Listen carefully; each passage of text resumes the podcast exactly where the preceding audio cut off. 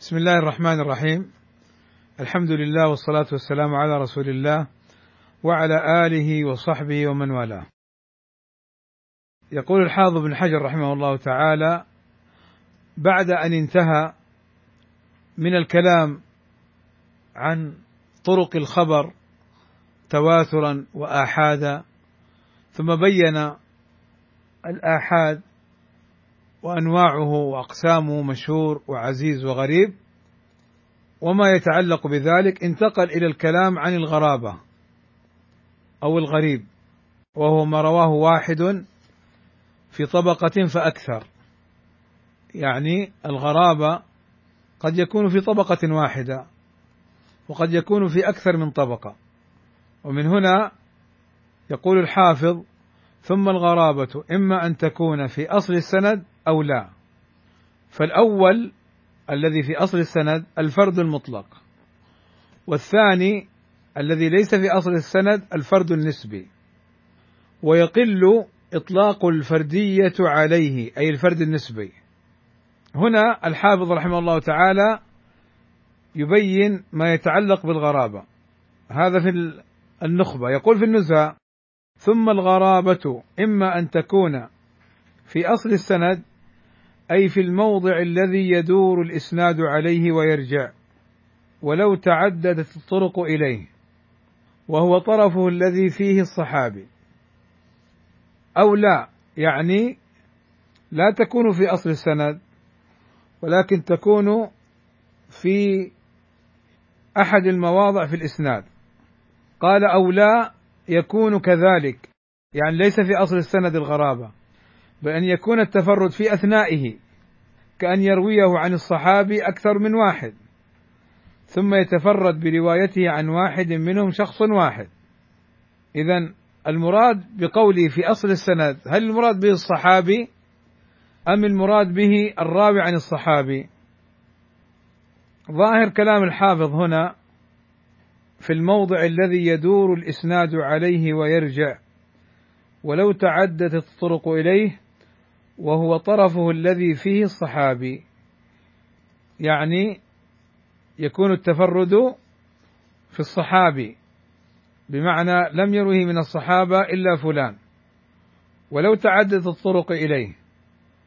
أو أن يكون التفرد في أثنائه كأن يرويه عن الصحابي أكثر من واحد. ثم يتفرد بروايته عن واحد منهم شخص واحد. وإن كانت العبارة الثانية تفيد أن أصل السند التابع الراوي عن الصحابي وهذا هو الظاهر. بمعنى لا يرويه عن هذا الصحابي إلا هذا التابعي. فهنا يكون التفرد في أصل السند. قبل أن ندخل في الغرابة والتفرد لماذا يعني تناولها الحافظ ابن حجر وتناولها المحدثون؟ قالوا التفرد والغرابة التفرد بأن يرويه واحد والغرابة كذلك مظنة واحتمال للوهم والخطأ. ليس جزما ولكن مظنة واحتمال. وبهذا يظهر أن أصل السند ليس الصحابي لأن الصحابة كلهم رضوان الله عليهم أدوا ما سمعوا. فيكون أصل السند الراوي عن الصحابي. والله أعلم. طيب قال فالأول الفرد المطلق كحديث النهي عن بيع الولاء وعن هبته. قال تفرد به عبد الله بن دينار عن ابن عمر. هذا يؤكد ما سبق أن أصل السند ليس الصحابي ولكن التابعي المتفرد عن الصحابي. عبد الله بن دينار رحمه الله تعالى من حفاظ الحديث. قال وقد يتفرد به راو عن ذلك المتفرد كحديث شعب الإيمان. تفرد به أبو صالح عن أبي هريرة وتفرد به عبد الله بن دينار عن أبي صالح. يعني ما رواه عن أبي هريرة إلا أبو صالح ولم يرويه عن أبي صالح إلا عبد الله بن دينار. يعني يقصد الحافظ أن التفرد في أصل السند قد يكون من جهة التابعي وكذلك تابع التابعي. ثم قال وقد يستمر التفرد في جميع رواته أو أكثرهم. يعني مثل حديث إنما الأعمال بالنيات لم يرويه من الصحابة إلا عمر رضي الله عنه كما مر معنا. ولم يرويه عن عمر إلا علقمة. ولم يرويه عن علقمة إلا محمد التيمي ولم يرويه عن علقمة إلا محمد التيمي ولم يرويه عن التيمي عن محمد بن إبراهيم التيمي لم يروه عنه إلا يحيى بن سعيد الأنصاري. ثم رواه عن يحيى بن سعيد أشخاص أو عدد كبير جدا. قيل قاربوا السبعمائة وقيل غير ذلك. فيقول الحافظ وقد يستمر التفرد في جميع رواته أو أكثرهم. يعني في كل طبقة من طبقات السند يكون الراوي عن هذه الطبقة واحد أو عن أكثرهم. قال وفي مسند البزار. مسند البزار مطبوع بعنوان البحر الزخار ومشهور بمسند البزار وهو مرتب على أسماء الصحابة. يذكر فيه البزار تفردات الرواة. بعضهم عن بعض. وكذلك المعجم الأوسط للطبراني. مسند البزار مرتب على الصحابة. المعجم الأوسط للطبراني مرتب على الشيوخ. على شيوخ الطبراني. من أول اسمه ألف من أول اسمه باء إلى الياء. كذلك الطبراني يروي في هذا المعجم الأوسط الأحاديث الغرائب والتي حصل فيها تفردات. فالبزار والطبراني اهتما بذلك. قال وفي مسند البزار والمعجم الأوسط للطبراني أمثلة كثيرة لذلك. كذلك الدار قطني له كتاب طبع ترتيبه وطبعت بعض أجزائه بعنوان الأفراد والغرائب. قال والثاني الفرد النسبي النوع الأول الفرد المطلق وهو أن يحصل التفرد في أصل السند ليس الصحابي وإنما الراوي عن الصحابي. وقد يكون التفرد في طبقة التابعي وتابع التابعي وتابع تابع التابعي. فأكثر فيقال له الفرد المطلق. وقد يكون التفرد لا في أصل السند. وهذا النوع الثاني وهو الفرد النسبي. قال الحافظ رحمه الله تعالى والثاني الفرد النسبي. طيب لماذا سمي نسبيا؟ قال لك سمي نسبيا لكون التفرد حصل بالنسبة إلى شخص معين.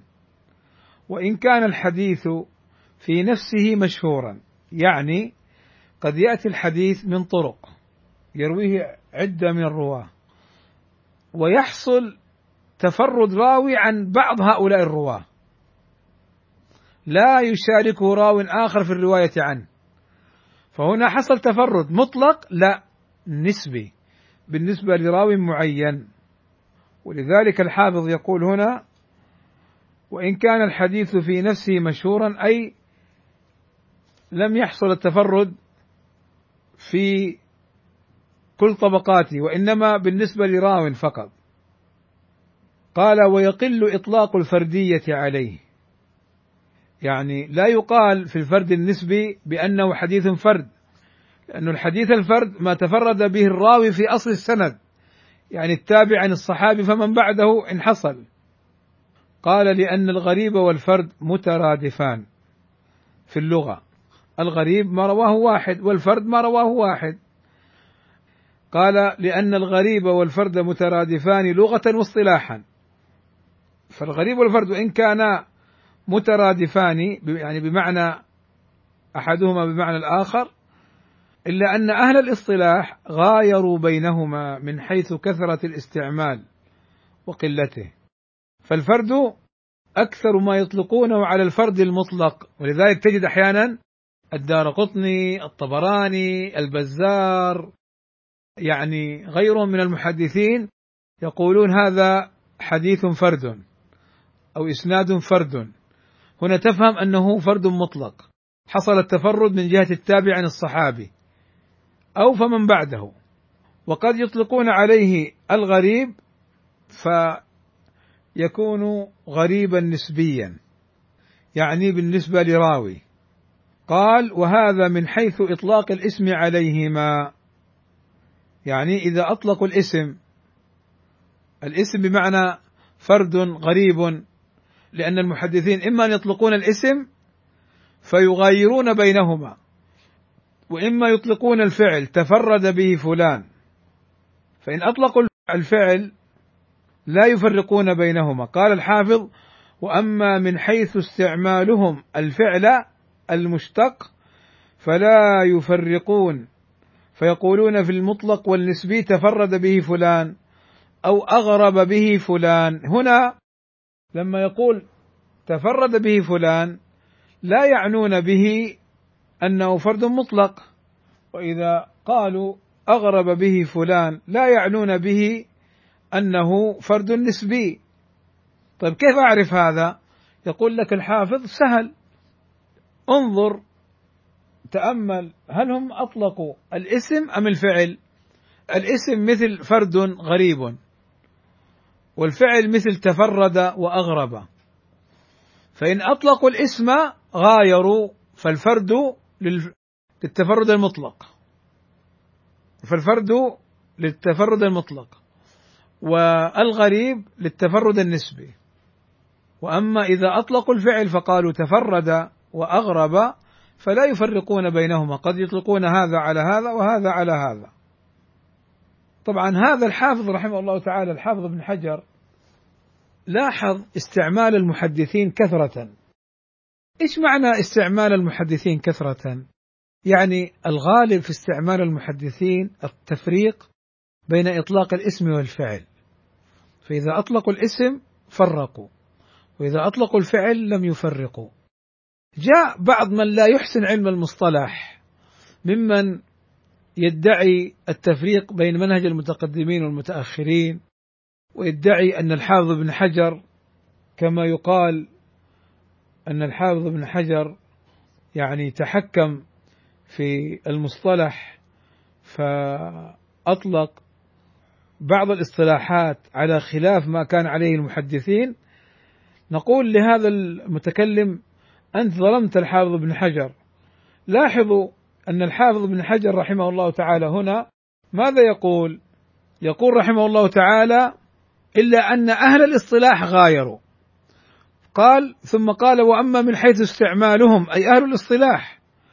فإذا الحافظ ابن حجر يراعي في هذه الاصطلاحات استعمال المحدثين ولكن ذاك الغبي الذي لم يفهم علم الحديث ولم يفهم المصطلح يظن أن الحافظ يتحكم لأنه يجد أمثلة أخرى بخلاف ما قاله الحافظ. فيقول لا ليس كما قال الحافظ يا من لم تحسن هذا العلم يا من غباؤه أكثر من ذكائه.